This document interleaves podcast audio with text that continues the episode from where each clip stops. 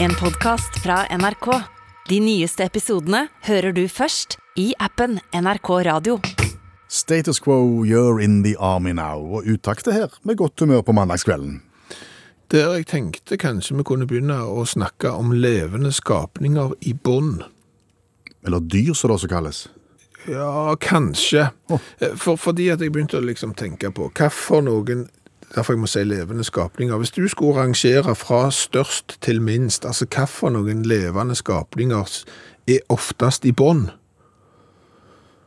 Altså Fra størst, da tenker du størrelse på dyret? Nei, nei, nei, altså flest. Og flest, ja. Flest til minst. Altså, hvis du har vært ute i ditt liv, nå har du et langt liv bak deg, Ja. og du har observert forskjellige skapninger i bånd. Mm -hmm. Hva for noen ting er det du har, liksom, har observert oftest i bånd? Hund. Hund, ja. Absolutt oftest. ja. ja. Det er helt, det er sånn, det, det kom der. Ja, det er nummer én. Ja, det sier du bare sånn. Ja. Men hvis jeg hadde spurt deg om nummer to, da må du begynne å tenke Da må jeg tenke. Altså, hva andre dyr har du sett i bånd, og hvor ofte i ditt lange liv? Kan jeg si hest? Du kan si akkurat hva du vil. For det at du ser jo gjerne folk som går og leier en hest Ja. i et bånd. Ja. Det gjør du. Ik ikke ofte i det hele tatt, Nei. det, men det forekommer. Kalles det bånd, disse hestene har, når de har sånn grimegreier og så sånn? Det kalles kanskje sel. Sele. Sele, ja. Ja, men det, ok, den er grei, den, men den kan gå inn under bånd. Jeg har observert katt. Ja, det har jeg òg. Ja. Ja. Det ser ikke smart ut, men, men det forekommer det òg. ja. Mm. Så, så det har jeg òg sett. Eh, Er det andre dyr du har sett? Jeg har sett kanin. Det har jeg òg sett, ja. Ja. De har vært så øvd på sånn at de skal hoppe hinder. Konkurranse. Så da har jeg sett kanin i bånd. Det har jeg òg sett. Andre dyr du har sett i bånd. Jeg har sett gris. Hva for en type gris? En sånn minigris. Ja. At folk har gått med sånn minigris i bånd. Eh, Men det er jo heller ikke ofte. Du, du tror ikke bare at du husker den historien jeg fortalte nå? At du har du faktisk sett Jeg har faktisk sett minigris i bånd, ja. Husker du ikke jeg fortalte at jeg så mi minigris i bånd i intervalløp? Det er sjelden. Veldig sjelden. Jeg så mann Ja. i eh, sånn, sånn eh, buksa med tut, Ja. stramme buksa, Ja. hadde med seg minigris i bånd, og sprang sånn type tre lyktestolper, Mhm. stopp, og gikk rolig, og så sprang de tre lyktestolper til. Det har jeg sett. Sånn aerobe grisetrening. Ja. Det er veldig flott. Nei, nei, det, det har jeg ikke sett, men jeg har sett gris i bånd. Men, men har du sett flere griser i bånd enn hest eller katt? Nei. Nei. Så hvis du da skal rangere, så vil du si på førsteplass hund. Hund, så tror jeg vi sier eh, hest, Mm. og så sier vi katt, og så på en fin, fin sisteplass eh, gris. Ja, ok. Og kanin glemte vi. Kanin før gris. Ja, greit. Jeg tror nemlig at bak hund på andreplass, oh. den skapningen som oftest er i bånd, er dessverre mennesker. Det har jeg aldri sett. Nei, fordi at jeg tror de fleste eh, mennesker i bånd eh, kommer du ikke til å se. Jeg har sett at noen har gått med unger i bånd. Det er ikke så vanlig det heller lenger. Eh, men det, hvis du har en villstyring, og du skal på konsert med 10 000 mann eller noe sånt, så kan det være lurt å ha ungen i bånd. Det ser du ikke så ofte lenger. Da, da begynner barnevernet å, å blinke med det blå og det røde lyset.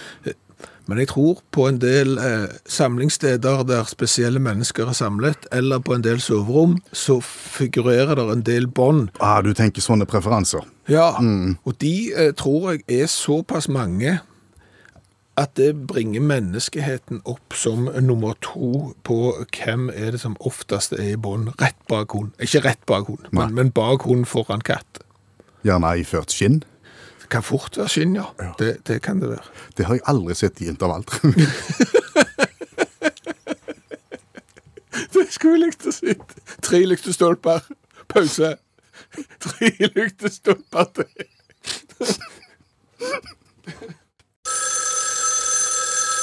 Hallo, ja. Hallais, Klingsheim! Hei, Stavanger-smurfen. Stavanger-kameratene, go, go, go! Jeg skal trege deg igjen. Do you read me loud and clear? Jeg hører deg godt, ja. OK. Satellittelefon. Og snakker du satellittelefon? Ja, ja. Å ja. I'm on the seven seas. Du er til havs. Jeg er til havs, ja. Jeg har eh, lagt ut av uh, Cuxhaven. Ut fra Cuxhaven. Ja.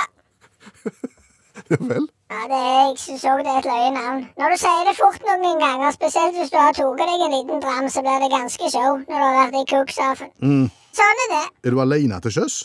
Nei, det er meg og kajakken. og så mannskapet om uh, bor i en uh, kinesisk sånn en båt som frakter biler, vet du. Ja, ja, stemmer. Det nevnte du sist. At du, du ja. Åh, Det er en lang historie, dette her. Ja, men for å si det sånn, Vi skal sende noen eh, hunder til Kina for å få de klonte. Vi kan vel oppsummere det så kort. Ja, Nedfryste hunder. Ja, ja, ja. Og så hadde vi jo funnet at det går ikke an å postlegge nedfryste hunder, så derfor så skulle vi frakte dem med en biltransport fra Risavika. Fra Stavanger. Ja, og så eh, fant vi jo ut at det lureste er jo kanskje å være med sjøl og følge opp denne kloneprosessen. Ja, Så nå er dere om bord på bilskipet, og så har dere da uh, hundene i nedfryst container? Ja, kjølebegg. I, kjølebag. Ja, Det viste seg det at vi fikk ikke legge dem på kjølelager om bord i båten, for da kunne vi ikke, vi kunne ikke blande setter og salat, for å si det sånn. Nei.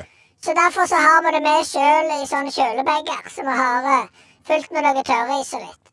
Men det er jo fryktelig langt å reise helt til Kina. Det går ikke så seint, eh, så vi har allerede vært i Cuxhaven og lessa losser og sånn. Ja.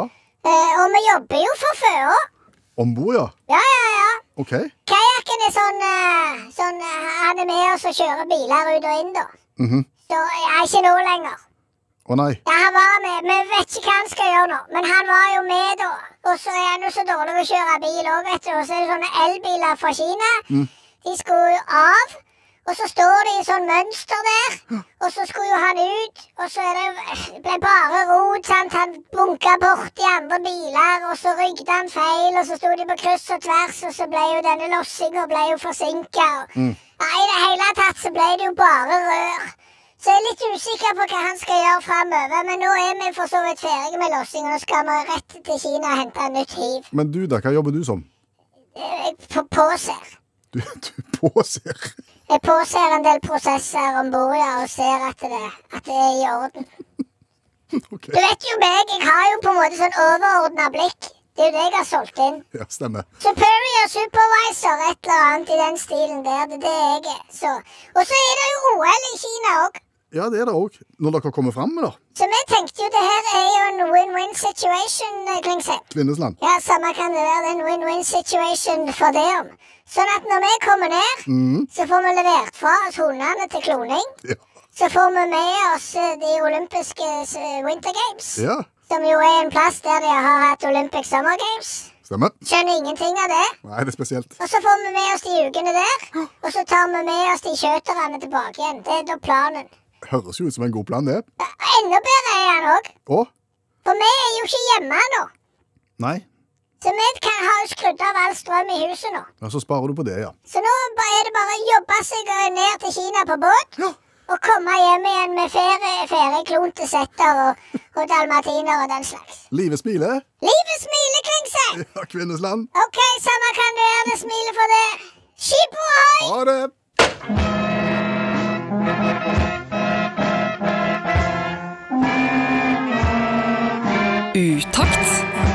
Med Per Øystein Kvindesland og Bjørn Olav Skjæveland.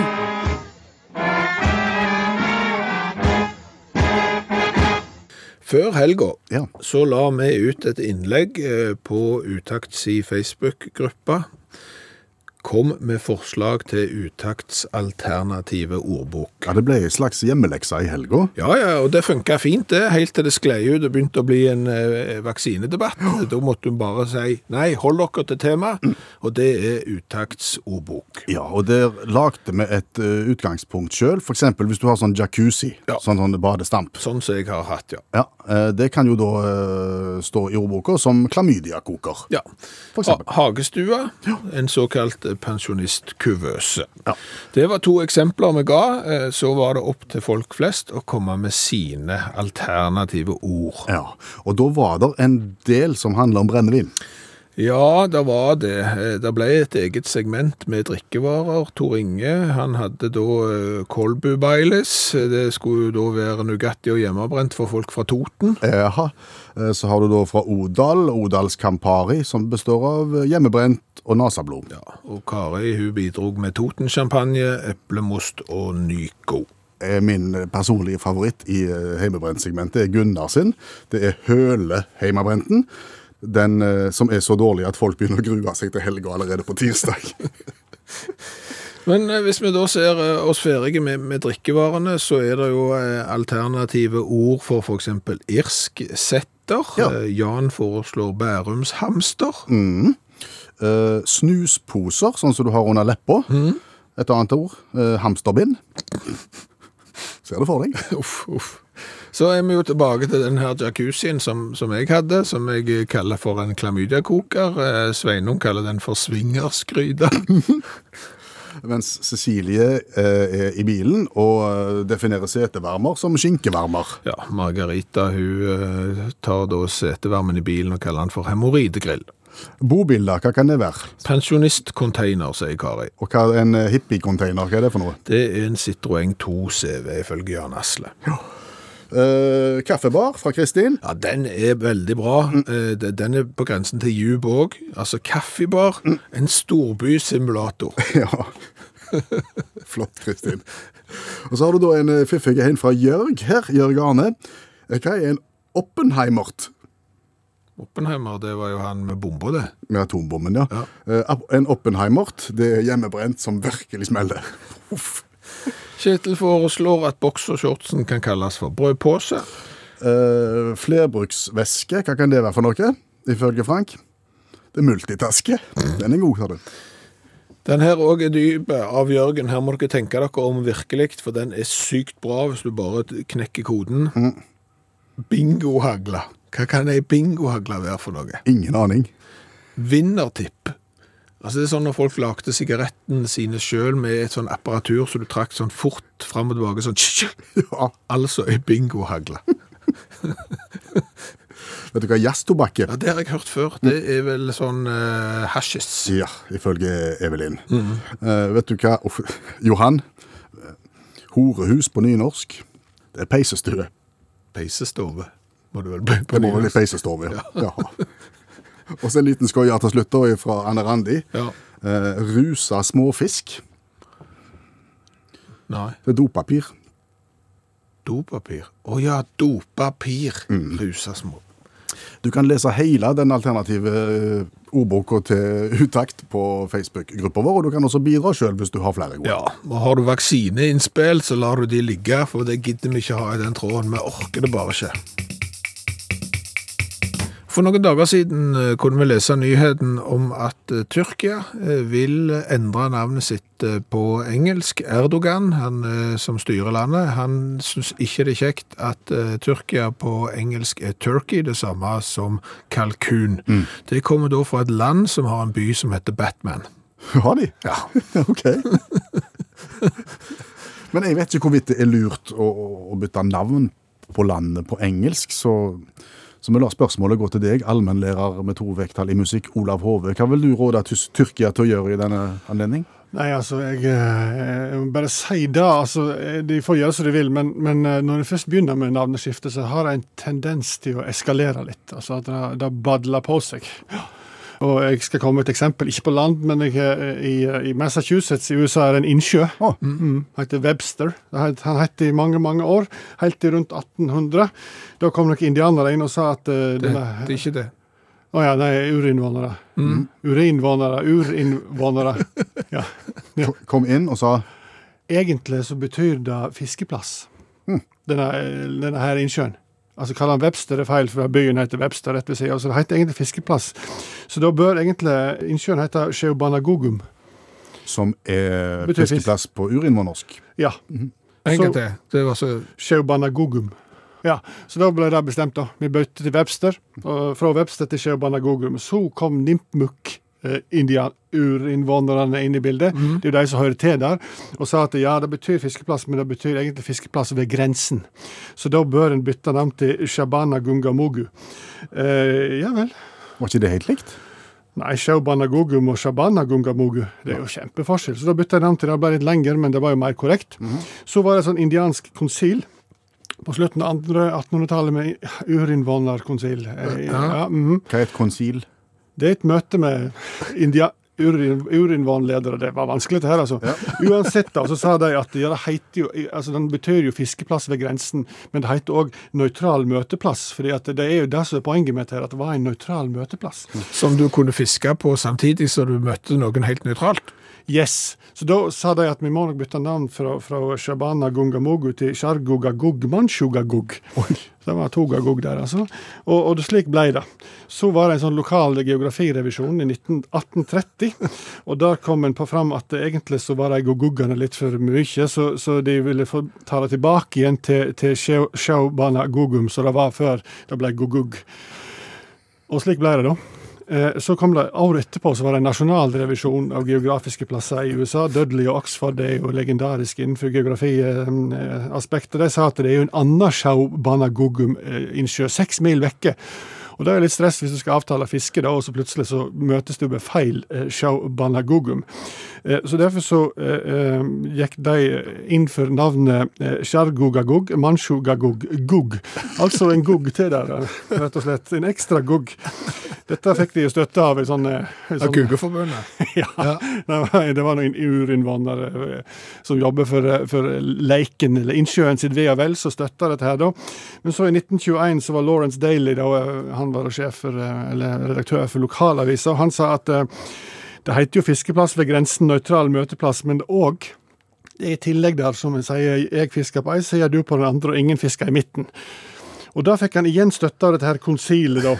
Som heter Shaubunagunga Maug Nimmuk-konsilet. Som jobber for eh, innsjøens ve og vel. Heftig navn, da.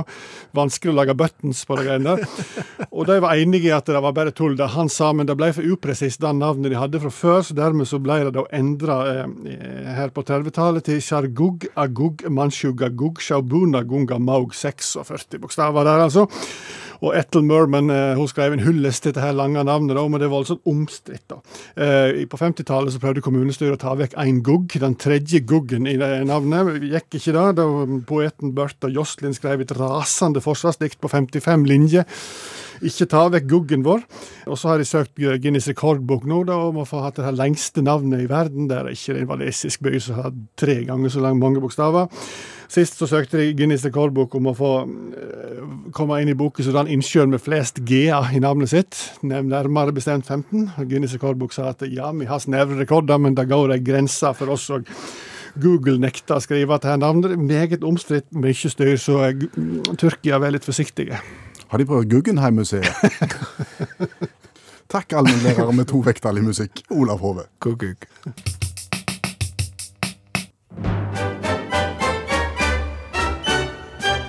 Wir spielen gezwungenes deutsches Karaoke. Tvungen til karaoke. Ja, eller offentlig gapestokk, som det òg kan kalles. Ja. I dag er det din tur. Ja, eh, i dag skal jeg synge en tysk sang som jeg etter alle solemerker aldri har hørt før i, i hele mitt liv, men i dag tror jeg det kommer til å gå veldig bra. Fordi I dag har jeg overdreven stor tro på meg sjøl, faktisk. Akkurat i dag. spennende. Ja. Det er tysk country and western. Der mista jeg litt troen på meg sjøl, kjente jeg. Bare stikk ut. Okay. Nå først så skal jeg spille av bitte litt av sangen som eh, Skjæveland skal få lov å synge i dag. Det er denne. Hallo, guten Morgen, Deutschland. Ich wünsch dir einen guten Tag. Hallo, guten Morgen, Deutschland. Ich lebe hier, weil ich dich mag. Ja, og og så fortsetter det sånn. eh, Du har skjønt tegningen. Eh, tysk country og western, ja. Eh, Det er da Tom Astor som er mannen i dag. Kjenner du til Tom? Tom Astor? Eh, nei. Nei, han er jo da kjent for omfattende country- og western-innspillinger på tysk. OK. Han har jobba med storheter som Johnny Cash, Chris Christoffersen, Dolly Parton, Kenny Rogers, John Denver, hele gjengen. Ja. Og så har han til og med i 1993, og dette er viktig, ja. nominert til Ekkoprisen for beste mannlige slagerartist. Og det er en pris som går igjen og igjen, det. Ekko- Ekkoprisen, ja. ja. ja. Hallo, guten morgen, Deutschland. Ja, kan jeg få teksten? Teksten skal du få. Takk. Og Oi. da er det vel egentlig bare å kjøre i gang, er det ikke det? Og mye tekst. Det er mye tekst, ja, så man har ikke mer enn ti av veien. Ok. Én og to og tre og fire, vi kjører i gang. Hallo, guten Morgen, Deutschland. Ich wünsche dir einen guten Tag. Hallo, guten Morgen, Deutschland. Ich liebe hier, will ich dich mag. Die Sonne scheint die nicht gerade vor sich her. Und ich bin äh, schon wieder auf der Autobahn von München rauf nach Kiel. Es wird ein langer Tag und nicht ich denke nie erwischen nach. Hallo, guten Morgen, Deutschland. Ich wünsche dir einen guten Tag. Hallo, guten Morgen, Deutschland. Ich liebe Fasiken, jeg har mer igjen, jeg. Nettopp. Det er aldri det. Det er et særdeles dårlig tegn. Når du har mer tekst, og, og melodien var slutt. Ja. ja. Det, gikk, det gikk litt bra litt i starten, men så gikk det bare verre og verre. Okay. Vi kan vel egentlig bare si det. Det får høre. Sånn skulle det låts. Når Tom synger. Hallo, guten Morgen, Deutschland. Ich wünsche dir einen guten Tag. Hallo, guten Morgen, Du ble stille nå. Deutschland. Ja, jeg kjente meg igjen i starten, der, men så Hier, weil ich dich mag. nå, nå tror jeg det er virkelig galt. Die Sonne schiebt die Nacht gerade vor sich her. Und ich bin schon Also Autobahn. wieder auf der Autobahn. Fra München til Von Kiel. München rauf nach Kiel. Es wird ein langer Tag. Und ich denke, Så kommer du ikke inn på refrenget igjen. Nei. For nå kommer jo det, sant? De, de. Hallo, guten Morgen, Deutschland. Ich wünsche dir Ja, er, er det rytmisk, så var det feil på linje to, ja. Hallo, guten Morgen, Deutschland. Den siste setningen fikk jeg aldri sunget, sa du. Så, så den var helt ny for meg. ja, Men sånn er det. Når du deltar i Gezwungenes deutsches Karaoke.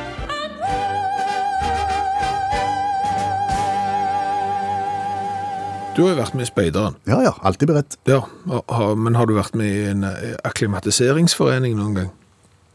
Nei, det kan jeg ikke si. Hva har det med speiding å gjøre? Nei, det har ingenting med speiding. Det bare var, en utbredt eh, form for eh, aktivitet på slutten av 1800-tallet. Da var det svært mange verden over som var med i akklimatiseringsforeninger. Hva drev De akklimatiseringsforeningen? drev med, med akklimatisering De gjorde det, ja. av dyr. Av dyr? Ja, Det vil si at du skal da flytte dyr eh, fra et sted over landegrensene til en annen plass der det egentlig ikke hører hjemme, eh, men for å få, gang på at disse dyra kunne spre seg verden over. Åh. Ja. Hvem var det som kom på det først? ja, da kan du nesten gjette. eh, Det er en franskmann. Nettopp. Egentlig ikke så god på dyr. Han heter Saint-Hilaire, og han var egentlig da spesialist i sånn leppe-kjeve-gane-spalte-problematikk. Men plutselig så befant han seg i en eh, jobb på det historiske museet i Paris. Der fikk han kanskje litt for mye tid til å tenke seg om. Å, Og da begynte han å se på, på dyr som, med, med et filosofisk blikk. Oh, ja. Og- det vet jeg ikke om det kom så mye godt ut av, for han mente jo da at dyra de eh, skulle samhandle med menneskene. Dyrene skulle få nesten få lov til å være i passasjersetet på menneskenes vei mot samfunnets framgang og fornuftens triumf. Oi, oi. Og du ser jo med en sånn språkbruk, så må det jo gå galt. ja. Det var det jeg følte på. Ja. Men, men da etableres det faktisk eh, klubber og foreninger verden over Ja. som, som driver og, og flytter dyr. For eksempel i New York har du selvfølgelig en, og der flytter de på, på fugler og slipper løs lerker, bokfinker og fasaner i, i Central Park, og har lyst til å flytte bekkerøye fra California til, til New York. Og, og mye av disse valgene som blir tatt i den foreningen, I den amerikanske foreningen? ja, skyldes nok sikkert styrelederen. Ja vel. Var han Styre- en spesiell kar? Ja, altså Styreleder Eugene Shiflin han var da eh, farmasøyt, så han har jo greie på dyr. Det sier seg sjøl. han var da fuglefan og besatt av Shakespeare. Jaha. Og koblingen? Da har jo han eh, funnet ut at eh, han skal få foreningen med på å få satt ut alle fugler som Shakespeare nevner i alle skuespill, inn i Central Park. Det er ganske mange fugler, det. Ja, og det går ikke så godt heller. Nattergaler og troster de dør ut ganske fort. Eh, Andre trives altfor godt. Europeisk stær utkonkurrerer jo da innfødt- fastfødte fugler i Central Park og skader millioner av frukttrær. Uff a meg. Ja. Og, og det er vel kanskje en hel haug med, med spektakulære fiaskoer inn, forbi dette fagfeltet her. På andre ting enn fugler òg. Ja, ja, ja. Altså, første gang de skulle ta kameler til Australia, eksempel, eh, så dør jo alle eh, kamelene under transport av dårlig vær, bortsett fra én, Oh. kamelen Harry. Harry. Ja, når han kommer fram til Australia, så blir han jo veldig populær, da, helt til han ved et uhell dreper eieren sin John, fordi han dunker borti John mens John driver og renser en pistol. Da får han på pukkelen. Da får, da får han på bukkelen. Og, og kaniner har vi hørt om på, i Australia. Ja, det, de blir det veldig, veldig mange av. Utplassert, det samme med pungrotter på New Zealand, og så tenker du, ok, vi får plassere ut en annen art som kan ta seg av pungrottene, da tar de røyskatten, den begynner da å spise fugler i stedet for pungrotter, og dermed er jo fiaskoen et faktum. faktum. Og du kan vel si at det er disse fiaskoene her som gjør at disse foreningene til slutt da eh, dør ut. Ja, Vi hører jo ikke om de i våre dager. Nei, nå har du en helt annen måte å se på dette eh, på. Mm. Helt til slutt har vi tid til den siste middagen til den opprinnelige franske foreningen. Hadde de avslutningsmiddag? Eh, På en måte avslutning og avslutningsmiddag, fordi at eh, det var en krig mellom Frankrike og Tyskland. 1870 så beleirer tyskerne da Paris, og det er vanskelig å få tag i mat. Folk i Paris spiser hva som helst, enten det er hest, hund, katt eller til og med ei rotte. Men disse fine folka til handlerne med leppe-ganespalte-greia, Ja. de kan ikke spise det. Så da tar kokken og tilbereder de fleste dyrene i dyrehagen som de da har henta inn. Hva står da på menyen? Da er det annet julemiddag bestående av stekt kamel, kengurustuing og, og elefantsuppe. Elefantsuppe. Og så la de ned foreningen, og så var det takk for i dag. Dette kan de hadde til dessert? Om jeg kan spille av en vignett som jeg har lagt uh, sjøl. Ja, men godt.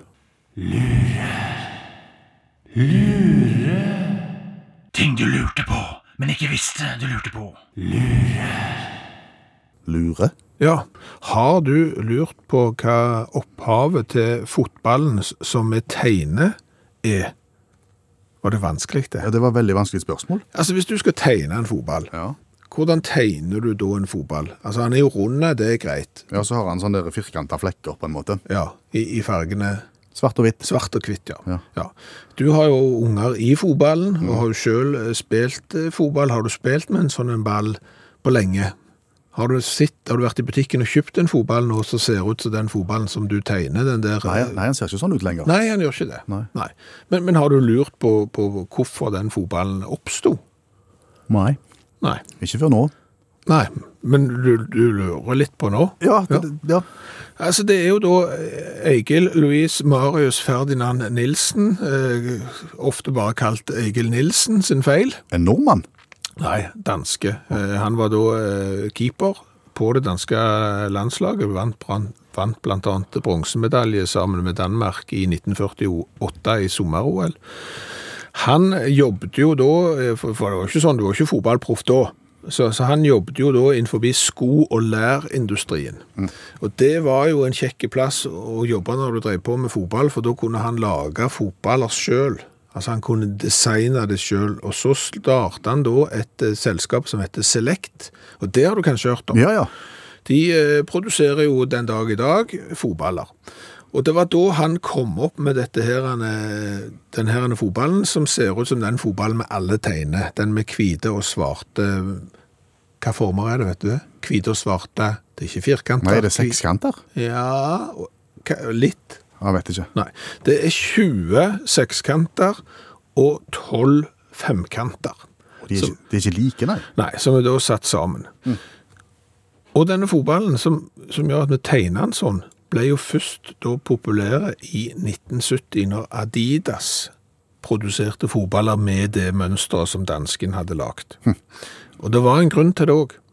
Og det var Svart-hvitt-TV. ja, lett å se ballen. Lett å se ballen, lett å se hva vei ballen beveger seg. Ruller den eksempel mot venstre eller et eller annet. Du kan selv tenke deg, du har sitt barne-TV svart-hvitt. Det byr jo på utfordringer. Ja, det. Eh, Og det samme gjorde det jo da når det var ensfarga baller og sånn, men med disse herrene svarte og hvite panelene som var sydd sammen, så kunne du enklere se det. på TV. Ja. Så det er bakgrunnen. En danske som har lagd den, og Adidas som gjorde at det virkelig ble populært når de brukte mønsteret til fotball-VM i 1970. Ikke si at du ikke lærer noe av utakt. Sykt mye. Ah. Om det er viktig, det gjenstår jo å se. Og nå skal vi smake cola. Ja, vi gjør alltid det på denne tida. Ja, og, og før vi begynner å smake cola, så må vi ha et lite kurs i fransk. Det kan vi trenge. Himmelretningene på fransk må vi lære. Altså, du har nord og syd, og så har du øst-vest, som er litt tåpelig på fransk, for det høres nesten likt ut. West-est. West-est. Altså, vest skrives O-U-E-S-T, west, Ja. mens øst skrives E-S-T-est. Og sier du det fort nok, så høres west og est høres jo eh, nesten likt ut. Ja. Men det betyr jo da at eh, franskmennene, folkene bak colaen Breis Cola, som jeg står med i hånda, da kan benytte seg av et ordspill. OK. De har da cola fra fjerne Vesten. Det blir ikke så gøy på norsk, for de har cola fra Far West. Nei. Jeg skjønner at du har bodd i Frankrike og syns dette her er artig. jeg, jeg vet ikke om jeg syns det er så gøy. Jeg. Nei, nei, men det er jo det. Nå bare leser jeg høyt fra, fra flaska. Altså, du har jo Fjerne Østen, du har ikke Fjerne Vesten. Nei. Men i og med at øst og vest uttales så likt på fransk, Mm. så kan de si at de har cola fra Fjerne Vesten. Spennende. Betyr det at det er vest i Frankrike colaen kommer fra? Mm, Helt vest i Frankrike. Han kommer fra Britannia. Han kommer fra den der tarmen oppe som stikker ut i, i havet helt oppe til venstre der oppe. eh, Fra Brest. Og, og bare for å fortsette med fiffige ordspill, så fortsetter de da på flaska Il était une fois dans l'ouest. Ja. Som betyr Det blir jo på engelsk da det blir tøffest. Once upon a time in the west. Oh, ja, Det er et sånn et uh, munnhell som Ja, vi kjenner. og det går ikke an å oversette til norsk så lett. For når filmen Once Upon a Time in the West kom, den eh, italiensk-amerikanske westernfilmen med Clint Eastwood i, i hovedrollen fra 1968, Ja. så heter han Ondt blod i Vesten på norsk. Once Upon a Time in the West. Kan ikke bli kulere enn det. Vi skulle ikke bare smakt på den colaen snart? Jo, øyeblikk. Eh, kan du fortelle det at det er Stefan og Erik som eh, bestemte seg i 2002 for å lage en egen cola ifra Bretagne Far West.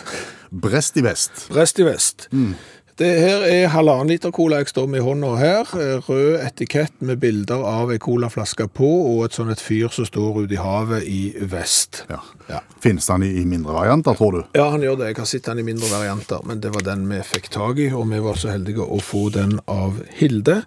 Og så var det Cecilie som hjalp til med transport, og dermed så havna den i Norge hos oss. Vi har smakt på 350 colaer fra hele verden. Ja, vi nærmer oss der. Vi har aldri vært i helt, helt, helt vest i Frankrike, tror jeg. Tror ikke vi har vært i Brest. Nei. Vær så god. Takk for det. Skal vi si litt om fargen. Den er temmelig svart, Den er veldig svart og god, ja. mm, og den lukter ordinær cola, egentlig, og med smaken. Det var litt Hubba Bubba. Litt for søtt, på en måte. Altså litt sånn eh, Ja, folk skjønner det når vi sier Hubba Bubba. så du får den der Litt sånn tutti frutti tutti frutti-smaken. på toppen der, ja. Og det blir altfor søtt, og du orker ikke mye av den. Nei. Fra én til ti, jeg tror ikke jeg kan gi mer enn uh, fire i smak. Nei. Jeg er ned mot trien, men jeg vi kjenner etter. Ta en slurk til, for, for da, da kommer en ettersmak òg av ubestemmelig karakter. Hvis du tar den litt rundt tunga. Han ble ikke bedre. Han ble ikke bedre av det, nei. Nei. Fire tror jeg er en veldig grei eh, poengsum. Så var det da hvor, hvor tøff er han. Altså Hadde jeg fått den flaska der i en, eh, en halvliter eller en 033 med samme logo og, samme etikett, så hadde det vært ganske tøft. Jeg syns òg det med, med havet og fyr og Once Upon a Time in the West og Far West og alt der, så det ja, det er en femmer. Kanskje det er en sekser, faktisk. Det er en sekser. Det er i hvert fall det. Ja, vel.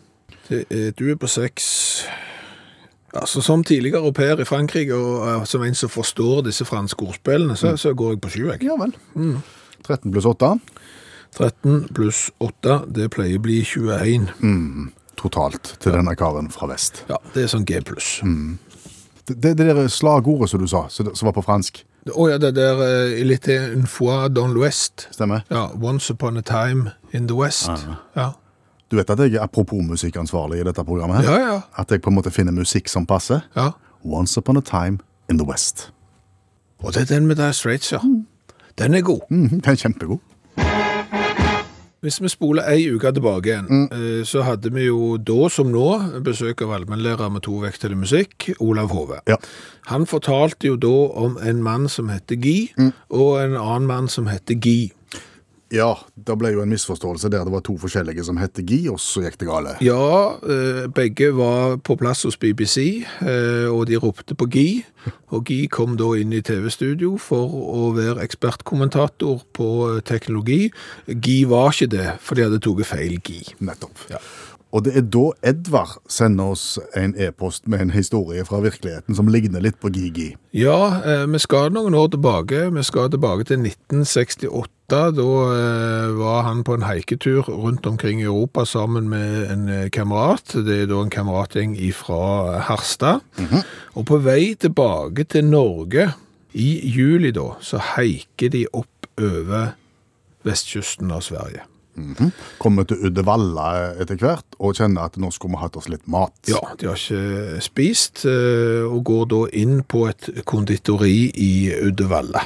Og da begynner dramatikken. For mens de står der inne da og venter på å bli ekspedert, så stanser en politibil utenfor konditoriet, og to usedvanlig kraftige politimenn med batong og trolig pistol kommer rasende inn i lokalet. Rett bort til Edvard og spør, en i nordmann? Ja, sier jo da Edvard. Øh, han er jo det, og blir dermed tatt med ut i politibilen og kjørt av gårde i full fart. Edvard lurer jo litt på hvorfor de er blitt tatt av gårde med, med politiet, så etter en stund i politibilen så spør han jo da om bakgrunnen for denne litt dramatiske arrestasjonen. Er ni inte Karl Åke Nordmann? Spør politimannen. «Eh, Nei, jeg er Edvard, sa, sa Edvard. Ja.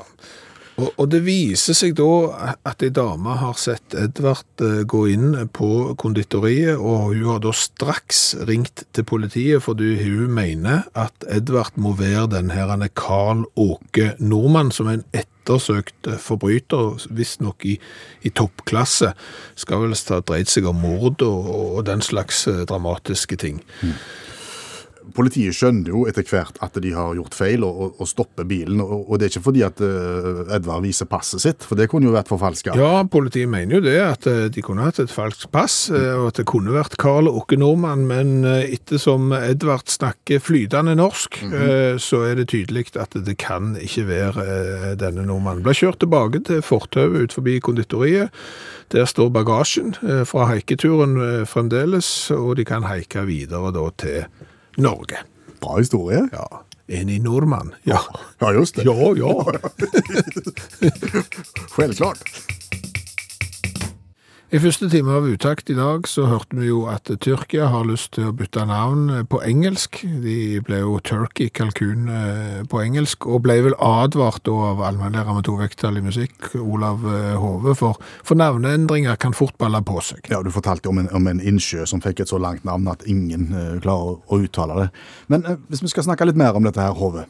Hvor vanlig er det egentlig at eh, land, innsjøer, byer skifter navn? Ganske vanlig, faktisk. Ja. Helt siden Kim Bassinger kjøpte Brasseltown i Georgia i 1989, så det var ganske vanlig. Hun kalte han Kim Bassinger, da. Da har du et ganske stort ego når du kjøper en by den etter deg sjøl.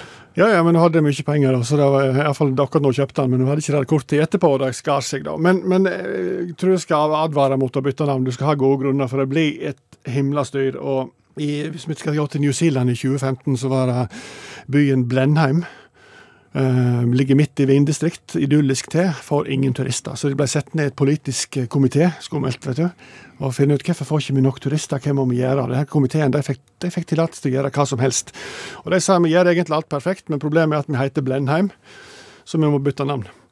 Så de kom også opp med et navn. De bare foreslo ikke bare, men de kom opp med navnet Marlborough City. Oi. Ja. Marlborough City. Yes. Men det ligger midt i vindistriktet Marlborough, så det var, alt var i utgangspunktet logisk. da. Så de bare sa vi bare bytta ferdig med det. Vi bare får nye brevhoder, bestill kopper, bestill kar, bestill skilt, alt i orden. Men så var det en gjeng med historikere og sa dette kan du ikke gjøre. Eh, fordi at, eh, fordi at Malmheim, Blenheim mener jeg det er såpass, eh, det er såpass signifikant historisk at det, vi kan ikke bytte ut det. Det ville ikke komiteen gå med på, men så ble, tok, tok historikerne og saksøkte da, kommunen for å gjøre dette her. Fikk da beskjed om at de måtte finne ut hvorfor dette her var så viktig historisk sett, og det sleit de litt med, så de brukte et år på å finne bevismateriale, historikerne. Samtidig så ble ordføreren i byen, i, eh, i Blenheim, han, eh, han ble med på søksmålet, for han var sur, for han fikk ikke være med i komiteen, så det bestemte dette her. Så etter ett år da, så ble det da rettssak, og eh, domstolen sa at de kan bare ha det navnet Marlboro City. Det er helt i orden. Så da bestemte de seg. OK, still en skilt, kjør på. Og så kom antirøykebevegelsen inn og sa du kan ikke kalle en by opp etter sigaretter. Det går ikke an. Uh, Marlboro Light kanskje, men ikke, ikke Valbro City. Gikk fort 6-88 måneder der òg, ble søksmål, og domstolen sa det skrives ikke slikt engang. Og dessuten så her er og druer, og ja, så bare bytt. Det er greit. Så da var alt i orden. De kunne søke Det nasjonale geografirådet, som har ansvar for å skifte navn på ting på New Zealand. Eh, de er litt byråkratiske, det er jo statlig organ. Eh, så etter tre måneders behandlingstid så fikk de atter søknaden og beskjed om at de har fulgt ut søknaden feil. Så da søkte de på nytt. Så gikk det tre måneders behandlingstid, så fikk de tilbake søknaden og sa søknaden er rett, kartet er feil. De må ha andre kart når de søker om geografiendringer. Greit. Så søker de på nytt igjen. Og etter tre måneders behandlingstid så fikk de avslag. Ja, fordi at eh, De kunne ikke kalle byen City. Fordi at På New Zealand var det en definisjon ifølge rådet som sa at skal du kalle noen City, så må det være over 50 000 innbyggere. Og i Blenheim er det bare 26 000. OK, da kaller vi oss bare Malboro, da. Ja, men da må du søke på nytt. Så da søkte de på nytt, med rette kart og rett utfylt og alt mulig, og fikk avslag. Etter tre måneders behandlingstid.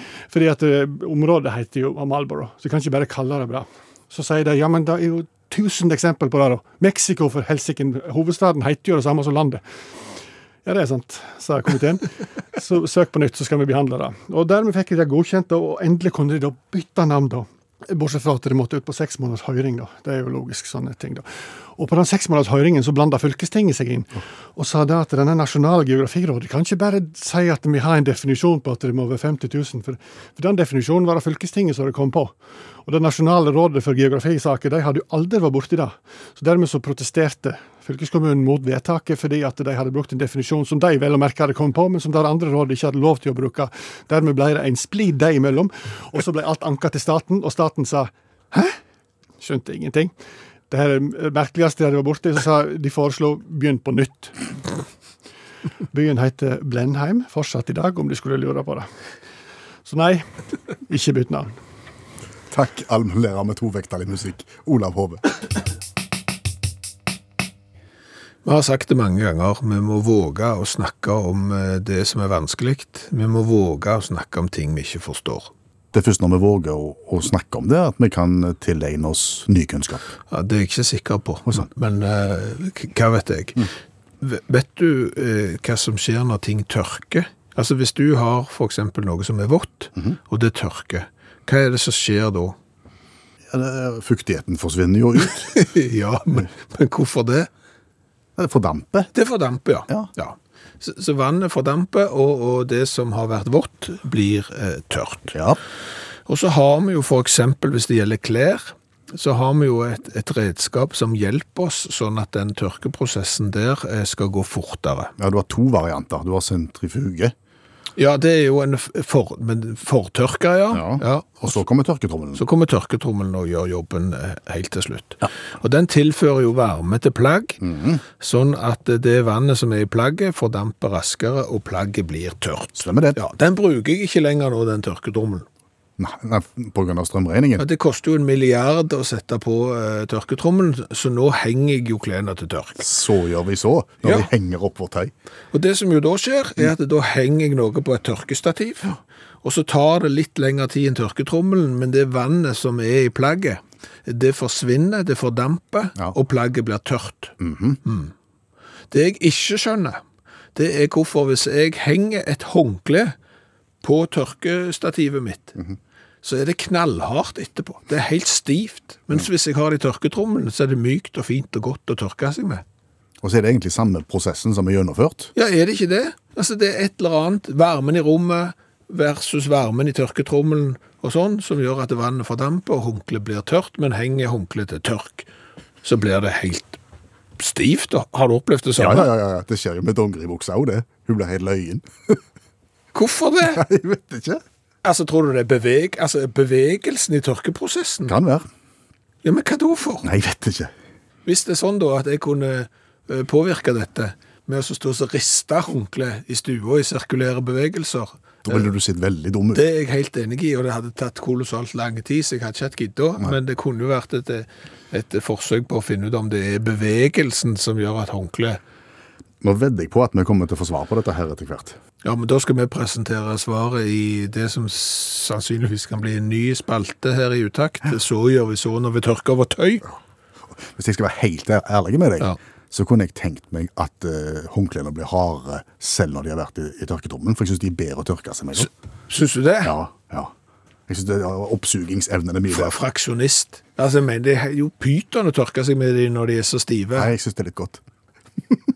Går du i bånd og driver med intervalltrening òg?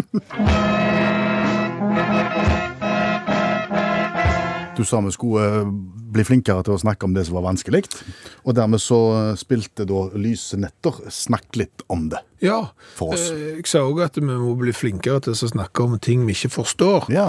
Og, og det som nå kommer, det er noe vi ikke helt forstår. Ikke i det hele tatt, faktisk.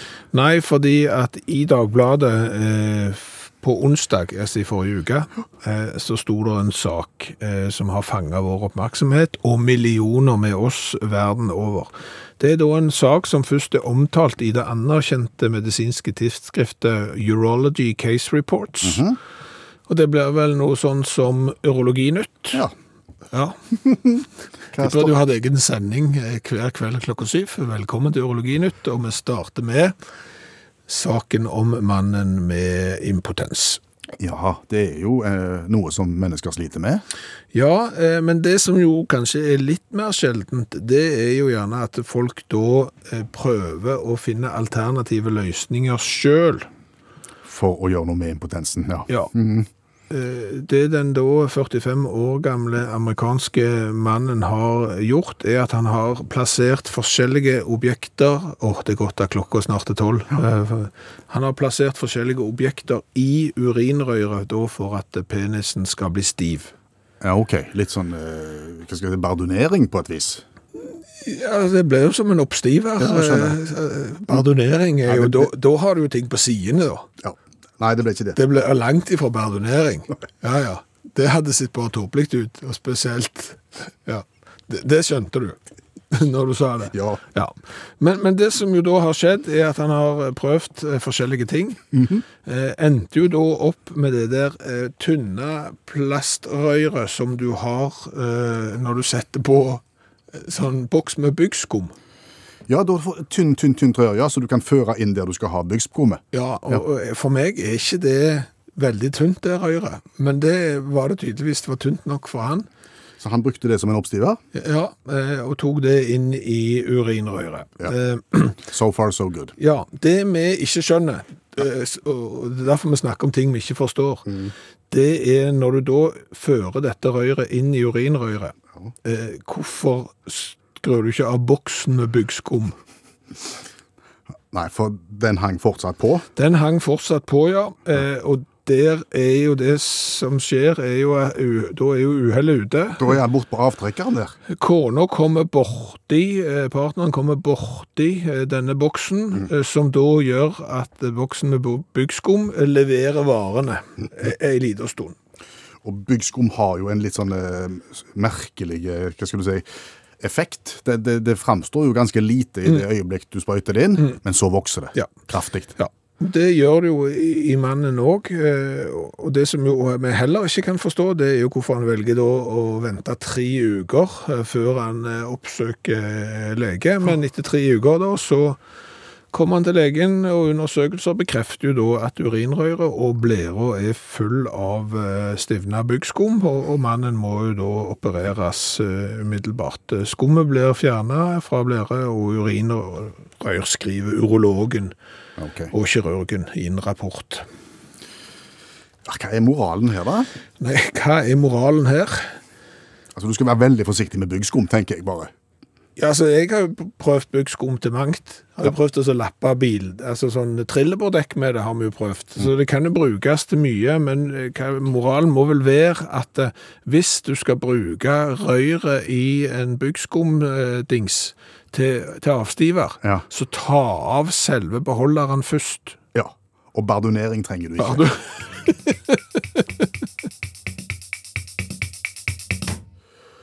Og så må vi spørre hva har vi lært i kveld? Ganske mye. Eh, Vi har vel lært det at, etter det vi har grunn til å tro i hvert fall, så er det mennesket som er den levende skapningen som nest oftest går i bånd. Ja, hunden er definitivt oftest. Ja. Men det er nok store mørketall når det gjelder mennesker i, i bånd, og det er gjerne av privat eh, karakter, men vi tror at det er flere mennesker i bånd enn eh, katter og stuegris, eksempel. Så har vi lært det at det går an å finne nye ord til gamle ting. En av våre favoritter i Utakts eh, nye alternative ordbok er jo å kalle kaffebar for storbysimulator. Ja, fin den. Å kalle vinnertippen, altså denne mekanismen som gjorde eh, at du kunne lage dine egne sigaretter med en enkel eh, Håndbevegelse. håndbevegelse og en maskin, kan kalles for bingo-hagla. Veldig bra. Veldig mange eh, gode. Så har vi jo lært at eh, en verden uten akklimatiseringsforetak og forbund hadde vært eh, sannsynligvis mye bedre.